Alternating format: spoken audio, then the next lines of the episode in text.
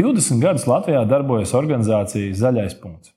Bet vai tu zini, ar ko nodarbojas Zaļais punkts? Esmu uz sarunu šodien aicinājis vienu no zinošākajiem cilvēkiem par atkritumu šķirošanu Latvijā - zaļā punkta vadītāju Kasparu Zakulu.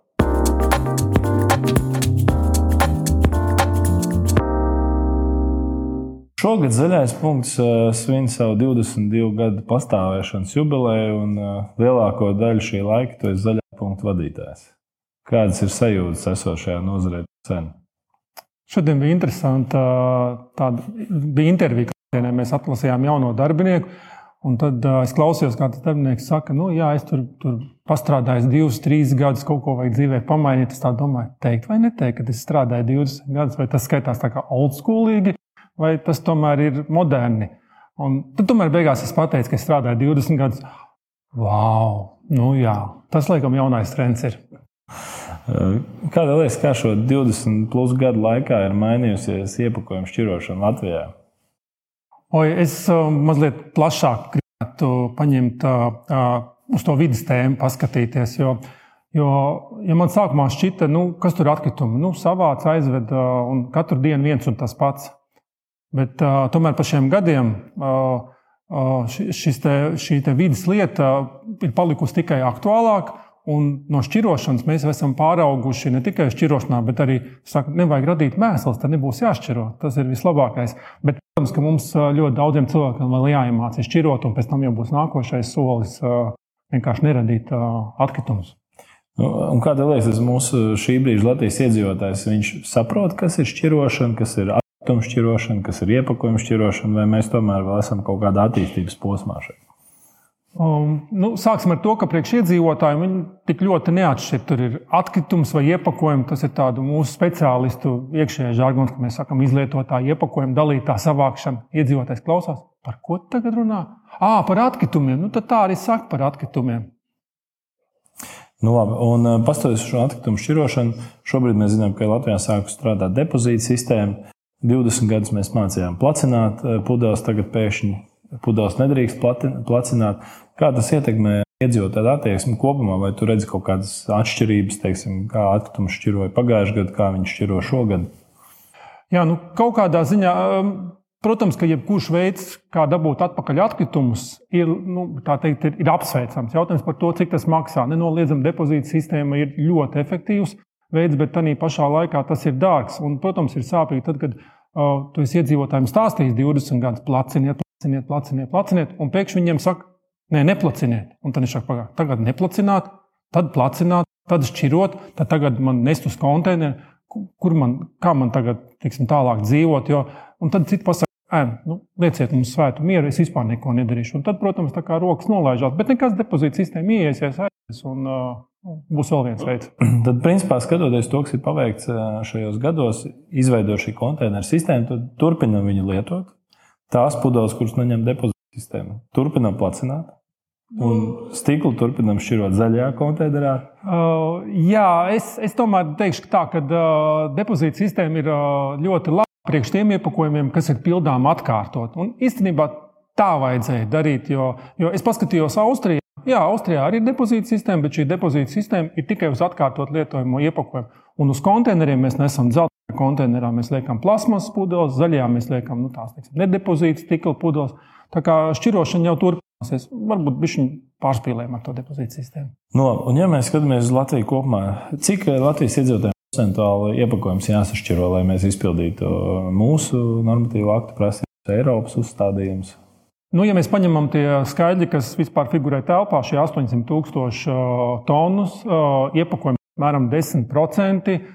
Es skatījos tieši statistiku par 20. gadu, 260 tonnas iepakojums novietots tirgu. Un, ja mums mērķi ir sākot no 55 līdz 85%, nu, metālam un pēc tam kartonam vislielākais mērķis, nu, es gribētu teikt, ka mums ir ļoti daudz jāšķiro. Bet uh, es esmu pārliecināts, ka šī šķirošana neapstāsies tikai pie iepakojuma. Un beigās mēs šķirosim nevis iepakojumu, kas ir plasmas, bet mēs šķirosim visu, kas ir piemēram plasmas. Nu, visu, ko vien var pārstrādāt. Nu, droši vien ir svarīgi nedaudz paskatīties mājasemniecības ietvaros. Iedzīvotāji nopērk preces, atnes mājās, tur ir daudz primārā iepakojuma. Ja? Kas šobrīd, tavuprāt, ir tās iepakojuma frakcijas, kuras ir pilnīgi noteikti jau jāšķiro un jāliek dzeltenajā konteinerā, stikla konteinerā vai jānes bateriju savākšanas punktiem. Varbūt tu vari tādu iedot savu skatījumu par lietām, kas jau šobrīd pilnīgi noteikti ir jādara. Nu, tātad tas, tas, ko iedzīvotāji visvienkāršāk var atšķirt, ir stikls, pudeles un burkas. Tās mums ir zaļais konteiners, un, un es teiktu, ja ir iespējams, sasitiet tās burkas, aizņemt pēc iespējas mazāk tilpumu, nebūtu tik daudz jālieto degvielu. Metāla korķīt. Uh, jā, es ņemu ar nazi un tad vēl tā nogriežu nost, bet uh, metālu mēs liekam pie, pie vieglā iepakojuma, kas ir dzeltenajā konteinerā, jo pēc tam uh, to ir, ir iekārtas, ir tehnoloģijas, ka mēs varam atšķirot metālu, plasmu kartonu. Un tātad stikls ir atsevišķi. Ideālais variants ir vēl bioloģija. Tie, kas dzīvo privāti mājās, es uzskatu, ka tur ir obligāti jābūt bioloģijas šķirošanai, nu, respektīvi, taisam kompostu. Nu, tad, protams, ir iepakojums, kas, es ticu, pāraugs eh, ne tikai iepakojuma konteinerā, bet tas būs viss, kas nav bioloģija, kas nav stikls. Un tad jau tur vairs nekā nepaliek pāri. Nu, tad tomēr šodien, ko mums likt tajā dzeltenajā konteinerā? Jogurta trauciņu liekam? Uh, Jā, liekam, viegli izskalojam, tā lai nu, tur nav ļoti daudz pārtikas atliekas. Un liekam, uh, iepakojumu konteinerā. Plasmas pudeli liekam, kartona kārbu liekam. Es pat teiktu, ka arī avīzes un žurnāls uh, liekam iekšā. Nu, tad vēl liekas viena tā nākošā frakcija, kas ir, uh, nu jā, mēs cerējām, ka sāksies ar 22. gadu, nesenāk 23. gads tekstīlijas, šie lietotie apģērbi. Bet tās mēs liekam citā konteinerā. Tās mēs neliekam mājas konteinerā, tās mēs nesam uz speciāliem konteineriem, kas tagad ir Latvijā izvietot apmēram 90 vietās. Es esmu pārliecināts, ka nu, tas kopējais, kas būs, tie būs vismaz 1000 konteineru, kas būs pieejami. Un kur mēs liekam metāla buļbuļsu, kas mums ir pēc konservu kārbas attaisnošanas? Nu, ja, tā nav, à, jā, ja tā nav depozīta buļbuļsa, jā, depozītu mēs nesam uz automātu, bet uh, buļbuļs atkal viegli maz lietojot ūdeni izskalojumu un liekam zeltainajā konteinerā, tur, kur jau ir priekšā papīrs, kartons un plasmas. Lieliski. Nu, tu jau pieskāries tam, ka ir tehnoloģijas, tad kas tālāk notiek ar šo zeltaino konteineru, uz kurien viņš dodas? Jo ir viens no valdošajiem mītiem, tas, ka atbrauc ar mašīnu un viss sagāž vienā mašīnā.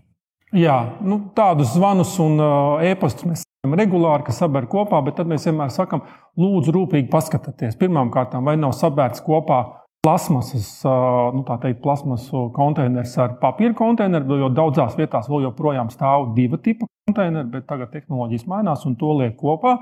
Un vai šajā konteinerā, kas ir bijis domāts iepakojumā, negodprātīgi iedzīvotāji nav sametuši iekšā atkritumus. Jo tad šoferim ir pateicis, ka nu, atvaino, šis diemžēl ir jāved uz, uz atkritumu poligonu. Pēc tam šī konteineru saturs, nu, tas, kas ir smuki sašķirots, tas nonāk uz līnijas, un tad vai nu tas ir roku darbs, vai nu tās ir mašīnas, un nākotnē būs tikai mašīnas, kas šo iepakojumu sašķiros un sadalīs pa frakcijām. Metāls, plasmas, un plasmas jau būs sīkāk, būs HDP, LDP, PP, S un tam līdzīgi. Tu man tikko nomētāji ar daudz sarežģītiem vārdiem. Pastīsimies, tad bija nedaudz vairāk tajā plasmasā. Kas tur ir iekšā? Tad teica LDP, tā ir visticamāk plēve, ADP tās ir kāniņas, cietās kāniņas, jā. Pēsti ir parasti ir trauki, kas ir, nu, netiks, tā, nu, jogurtam trauki, nevienreiz lietojamie trauki, bet tie, kas ir dažādas kārbiņas, buņģiņas, nu jā, cietās plasmas ADP. Bet es teiktu tā, ka iedzīvotājiem, nu, nevajag vienmēr apgriezt riņķī to pudeli un tagad iedziļināties HDP, LDP. Plasmasa, plasmas Zeltainais konteiners. Labi. Un vai šos materiālus var pārstrādāt Latvijā, Lietuvā, Tuvējā apkārtnē? Vai? Jā, Latvijā pārstrādes iespējas ir, un mums ir ļoti brīnišķīgas rūpnīcas. Jelgavā, tepat Olainē, pēc Baltijas, Nordikplast, ļoti labas rūpnīcas, un tās jau mums ir vēsturiski no padomju laikiem, un to, ko mēs nevaram pārstrādāt šeit, to mēs aizsūtām uz pārstrādi citās rūpnīcās. Jo ir jāsaprot, ka Latvija, priekš, teiksim, tā priekš pasaules, ir ir neliela valsts, un mums uzcelt katram materiālam rūpnīcu nereāli. Un ko ražo šajās pārstrādes rūpnīcās? Jaunas pudeles, kaut kādu brīvi tirgojamu vielu priekš citām rūpnīcām. Kas ir tas gala produkts, ko Latvijā ražo? Jā, nu, pamatā no šīm plasmasām uh, saražo granulas. Un granulas jau tālāk kalpo par izēvielu nākošiem produktiem. Piemēram, bērni, tavi, tavi bērni staigā ar mugursomām Un, ja tā rūpīgi pameklē, citreiz var rakstīts, ražots no pēta. Nu, tās ir tās pašas pēta pudeles, kur iekšā bija kaut kāda atspērdzinošie dzērieni. Nu, tad droši vien vērts nosaukt lietas īstenībā, tas ir poliesters. No pēta var jā, saražot poliesteri. Tas arī ir. Es tā kā negribēju lietot tas svešvārds, bet labi. Principā, ja gribi pasties, vai tas ir pārstrādājums vai nē, tad pirmkārt jāapstāsta, kas par materiālu, jāliek dzeltenajā konteinerā, tad liela cerība, ka tas tālāk pārvērtīsies kaut kādā citā produktā, ko mēs dien dienā lietojam. Jā, tas noteikti nonāks uz šķirošanas līnijas, un tad vai nu tas nonāks pārstrādē, bet tas, kas ir jāsaprot, ka mūsu nākotne tomēr arī ir šī enerģijas iegūšana. Es speciāli izvairos no vārda sadedzināšana bet enerģijas iegūšana, un tad mēs iegūstam siltumu. Jo palielinoties šai normai, kas mums ir atpakaļ jāsavāc un jāpārstrādā vai jāreģenerē, nu nebūs tā, ka viss varēs pārstrādāt. Bet sadedzināšana ar enerģijas iegūšanu arī ir ļoti laba. Nu, šobrīd, jāsaka, tā globālā kontekstā ietvaros ļoti daudz tiek runāts par šo energo neatkarību. Vai Latvijā jau ir šādas vietas, kur uh, atkritumus vai no atkritumiem radušos enerģijas avotus izmanto enerģijas iegūšanai?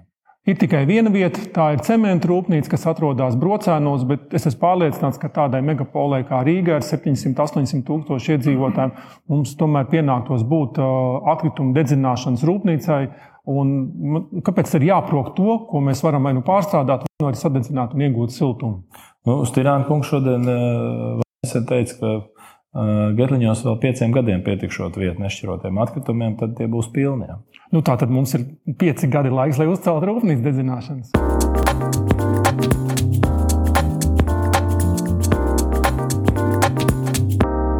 Mēs bieži sūdzamies par to, ka gandrīz trešdaļa no mūsu iepirkuma fiziskā apjoma aizņem iepakojums. Pasaulē arvien vairāk un populārāk ir beziepakojuma produktu tirzniecība. Kā ar to ir Latvijā? To uzzināsiet sarunas turpinājumā ar Kasparu Zakulu. Viena lieta ir šķirot un pārstādāt atkritumus, bet otra lieta tomēr ir izvairīties no atkritumu radīšanas. Vai tev ir varbūt kāda vērtīga padome un, un ko vispār par šo starptautiskā pieredze? Jā, ja mēs skatāmies tā teikt, kas notiek pasaulē, Tad, protams, ka šī kustība jau ir agrāk sākusies, jo, nu, diemžēl, mums pirms 20 gadiem bija jāsaskarās ar to, ka lūdzu, pa priekšu ielieciet atkritumus konteinerā, tad nākošais bija lūdzu šķirojiet. Un tagad nākošais solis, tad, kad cilvēki jau apziņo saprot, jā, nu es esmu šķirot iemācījies, ko es vēl varētu darīt, tad mēs piedāvājam šos 5 P, jeb angļuiski ir 5 R. Nu, mēs viņus pārlatviskojām, kad atkritums netiek radīts sākotnēji. Nu, tad pastāstīt detalizētāk par 5 P.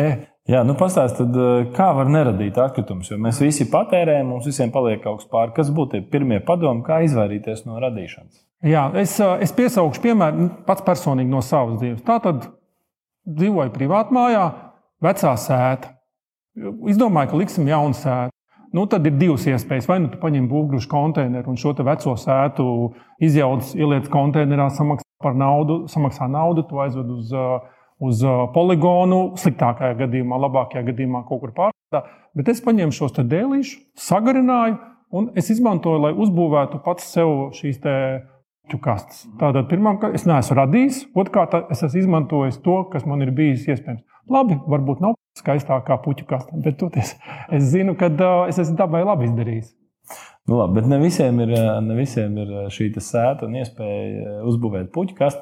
Nu, pieņemsim, aizēju uz augļu nodaļu. Nu, Covidā mums bija liela problēma, ka katrs abolīs bija bez nu, plasmas maisiņā. Šobrīd aizejot uz veikalu, kā viss ir normāli aboli, beramā formātā. Pērkot abolus, kā es varētu samazināt atkritumu apjomu? Jā, nu tu jau man gandrīz iedod gatavu atbildi. Ja? Es neņemu principā plasmas maisiņus, tāpēc ka tos divus citronus, trīs apelsīnus vai banānus Un pēc tam man vajag to maisiņu. Es eju uz to kasu, kur ir pašapkalpošanās, un es taču varu tos trīs citronus uzlikt uz tiem svariem, lai nosvarās, pēc tam ielikt savā maisiņā, kas man līdzi ir paņemts, un neizmanto to plasmas maisiņu, jo to plasmas maisiņu nav tik vienkārši pārstrādāt. Viņš ir gaistošs, tur nekā nav. Okay, tas ir tas atteikšanās un atkritumu samazināšana. Jā, tas ir mainām savu domāšanu, neņemam to, ko nevajag. Skatoties uz tiem pieciem R, kas mums tur slēpjas, es zinu, reūze noteikti ir viens no tādiem terminiem, ko mēs bieži jā. lietojam. Ko jā, nu, tā atkārtotā lietošana. Šīs pašas ļoti populāras ir pasaulē. Francijā, ja nemaldos, trīs laikā no nulles radās 500 beziepakojumu veikali. Latvijā nu, mums te ir vairāki nu, mēģinājumi, jau, kas darbojās, bet nu, neiet tik viegli, tāpēc ka cilvēki vēl joprojām grib kaut ko paņemt, aiznest mājās un varbūt pēc tam noglabāt tās kārmiņas. Tātad izmantojam burkas, pudeles atkārtoti. Tad viens tāds retāks koncepts, ar ko varbūt pat grūtāk saprast, ir repurpose. Ko tas nozīmē? Varbūt var saprotamā valodā pastāstīt Latvijas klausītājiem. Pārtulko lūdzu latviešu. Nu, piemēram, pēc izmantot šo lietu citam, citam pielietojumam, ko, nu, atkritumu, kas mums citādi būtu jāizmet ārā, kur mēs viņu citur varētu izmantot.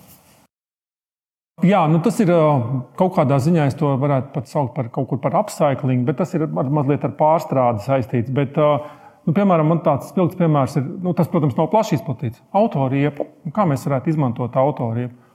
Izvaram cauri striķi, pakarinam kokā, bērnam šūpols. Un pat nav bīstami, ja to, par to riepu dabū pagājušajā. Tas, respektīvi, mēs atrodam citu pielietojumu. Jā. Okay, tad par pārstrādi mēs jau parunājām. Un tad paliek uh, recovery, kas ir būtībā enerģijas iegūšana. Ja, uh, ja, ja mēs skatāmies uz Latvijas atkritumu plūsmu kopumā, kā tev liekas, kas ir tās atkritumu, varētu teikt, uh, jomas vai atkritumu segmenti, pagaidām nepietiekami daudz ir šķirošanas un pārstrādes iespējas? Mm, nu tā, tā droši vien būs uh, bioloģija kur mēs ļoti, ļoti kūtri nodalām. Un bioloģija tā ir tā, kas sabojā visu teikt, to atkritumu grozu. Jo, principā, ja mēs to bioloģiju jau nodalītu no pirms konteineru, tad jau mums tur, kas tur paliek, tur ir savs materiāls. Un tad jau ir vienalga, vai tas ir plasmas iepakojums vai tā ir plasmas leikāna. Mēs to taču varam pārstrādāt. Vai šobrīd Latvijā notiek kaut kas šīs bioloģijas kontekstā, jo arvien biežāk mēs dzirdam, ka jā, ir jāšķiro bioloģiskie atkritumi, ir dažādi atkritumu apsaimniekošanas tarifi nešķirotiem atkritumiem vai bioloģijas atkritumiem. Kāda ir, kāds ir tavs skatījums? Nu, bioloģijas nošķirošanas tā teikt, teikt, uzvaras gājiens ir sācies Rīgā. Protams, ka tas ir ļoti grūti, jo, jo, jo nu, nav tā, ka visu sašķirot, jums par to nekas nebūs jāmaksā, un plus vēl tad ir vajadzīga papildus vieta. Un galvenais jau kas, tā ir ieraduma maiņa un domāšanas maiņa cilvēkam. Jo vienkāršāk taču viss ir samest vienā miskastē, nekā tagad kaut ko tur likt, kaut kur nest, kaut kur atsevišķi nu, ieraduma maiņa. Uh, labi, bioloģija tā ir tāda lieta, ko mēs dienā saskaramies, bet uh, vēl ir viens segments, ir elektronikas atkritumi. Kas notiek ar elektronikas atkritumiem? Jā, nu tie mums ir pilni šķūnīši un pilni pakši piebāzti Jo, jo mēs esam krājēji tauta un vienmēr varbūt noderēs, un tad mēs pārvietojam no dzīvokļa vai no mājas šķūnīti, tad uz laukiem, un, un ļoti bieži tās lietas tur vienkārši iestāvās. Uh, bet elektronika, jā, 65% mums ir jāsavāc atpakaļ un jāpārstrādā. Ļoti grūti nāks, ļoti grūti nāks iedzīvotājs pārliecināt, atdot.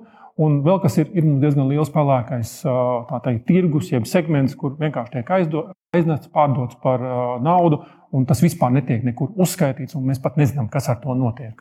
Labi, un šī elektronika, kur, kur cilvēki var no viņas tikt vaļā, kur viņi viņu aizvest, viņi negrib vest uz šķūnīt, kādas ir alternatīvas? Teikšu uzreiz, Rīgā vēl pagaidām šīs iespējas, nu, varētu, nu, teiksim, gudīgi, nav. Praktiski nu, nav šo šķirošanas laukumu. Tas, kas man bija tuvākais Mārupē, tas ir aizvēries. Protams, ka visā Latvijā ir šo, šie šķirošanas laukumi.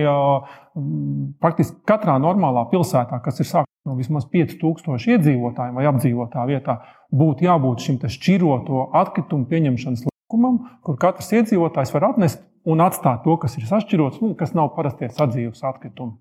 Tu pieminēji, ka Rīgā nekas nenotiek, bet uh, nesen runājot par atkritumu reformu Rīgā, mēs tomēr dzirdējām, ka jābūt 10, 11 šādiem punktiem Rīgas pilsētā, kur viņi palikuši. Nu, teiksim, hop, tad, kad pārliksim pāri grāvim, par to pagaidām tikai runā. Nu, es, protams, ka gaidu, nu, kad beidzot tās vietas tiks atrastas un, ied, un iedzīvotājiem būs šī iespēja, jo citādi mums zaļo punktu zvana un prasa. Un, nu, a, ja jums nav kur, tad es nometīšu tur pagalmā, nu, pie daudz dzīvokļu mājas. No, bet cilvēkam ir tas televizors, piemēram, vai leduskapis, ko tu ieteiktu viņam darīt, ja viņš dzīvo purcēmā?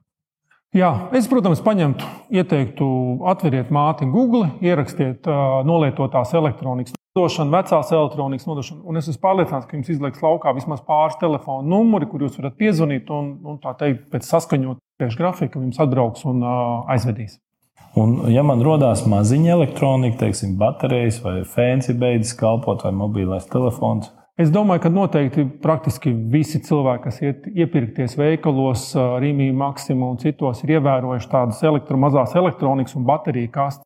Ejot uz veikalu, var paņemt līdzi savus baterijas maisiņā, vai savu tēkā, nu, vai savu gludekli, un to es varu atstāt. Jo arī likums nosaka, ja tu pārdod baterijas, tad tev ir jādod iespēja cilvēkam nodot vecās baterijas atpakaļ.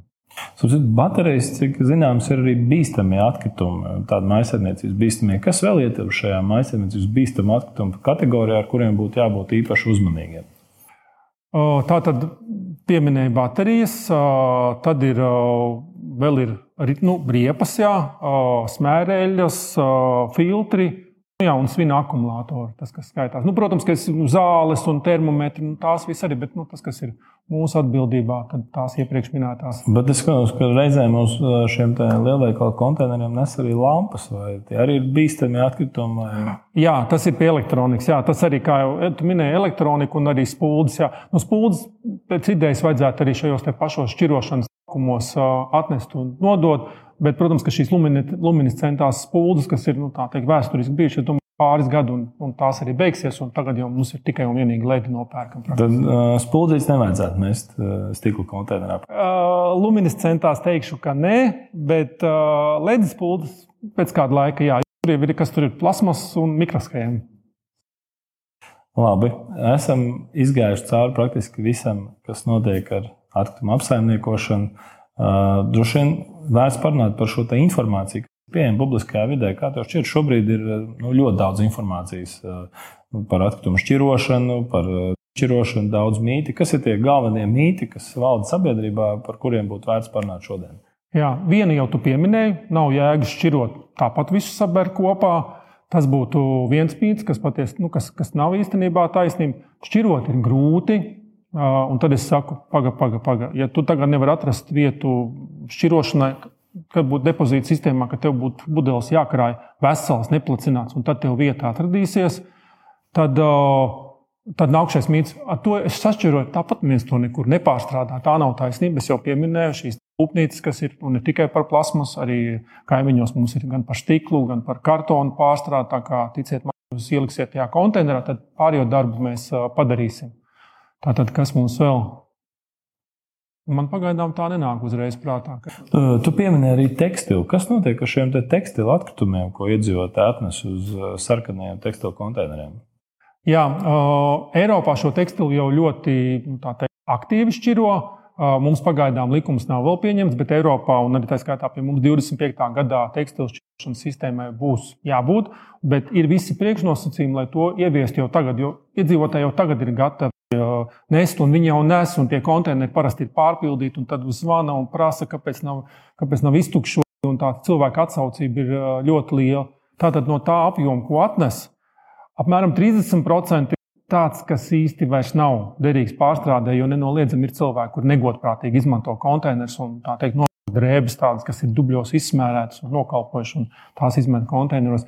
Bet uh, daļa, daļa Kaut kur apmēram trešā daļa ir tāda, kur ir derīga. Nu, piemēram, tev varbūt nevajag, bet kādam citam vēl noder. Nu, ir vienkārši tas nopircis jaunu uz izpārdošanu sapratu, ka tev nevajag. Mums ir citreiz tā, ka atnes ar visiem čekiem no ķīmiskās tīrītavas. Tad, principā, jāaicina cilvēki šos tekstilu konteinerus izmantot atbildīgi, nemest tur iekšā netīras drēbes, jo tās, kas tur nonāk, daļa no tām tiek sašķirotas, izmantotas, atkārtot tajās sabiedrības daļās vai citās valstīs, kur tas ir nepieciešams. Jā, es kā reiz arī vakardien gāju garām, bija arī pats izmantoju pie Mārupas domas, kas ir šķirošanas konteiners. Pat bija no, divi bērnu ratiņi bija nolikti blakus. Nu, tas nav tā kā paredzēts, bet, nu, jā, nu, laikam cilvēki tomēr grib kaut ko labu darīt. Vēl viens jautājums man jau sen nodarbina ir zaļmaldināšana. Kas, tavuprāt, ir zaļmaldināšana šodien un kā atšķirt patiesu aicinājumu šķirot atkritumus no zaļmaldināšanas? Es varbūt skatītos ne tik daudz tajā atkritumu šķirošanā, bet tajā jau preču izcelsmes pusē, kad uzņēmuma mārketings tik ļoti grib palielināt pārdošanas apjomus, kad izmanto dažādus pat negodprātīgus trikus, lai cilvēki pārliecinātu pirkt to preci, ka tur, piemēram, tas iepakojums ir tāds un tāds, vai, piemēram, pati preci ir saražota no kaut kā ļoti vidē draudzīga.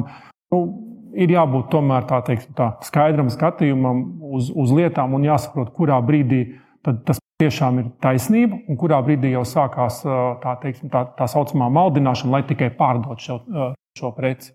Bet informācija ir atrodama ļoti daudz Google. Jā, nu, paldies par šo tikšanos. Šodien iedeva man liekas, ļoti lielu, svarīgu informācijas apjomu. Un, rezumējot to, es gribētu teikt, tā, ja reiz esam iemācījušies šķirot atkritumus, tad vērts arī iedziļināties tajā iepakojumā, ko mēs patērējam, un paskatīties, no kā viņš tiek ražots, vai tas ir pārstrādājums vai nepārstrādājums. Un noteikti tas mums arī palīdzēs atstāt sakārtotāku pasauli pēc mums. Jā,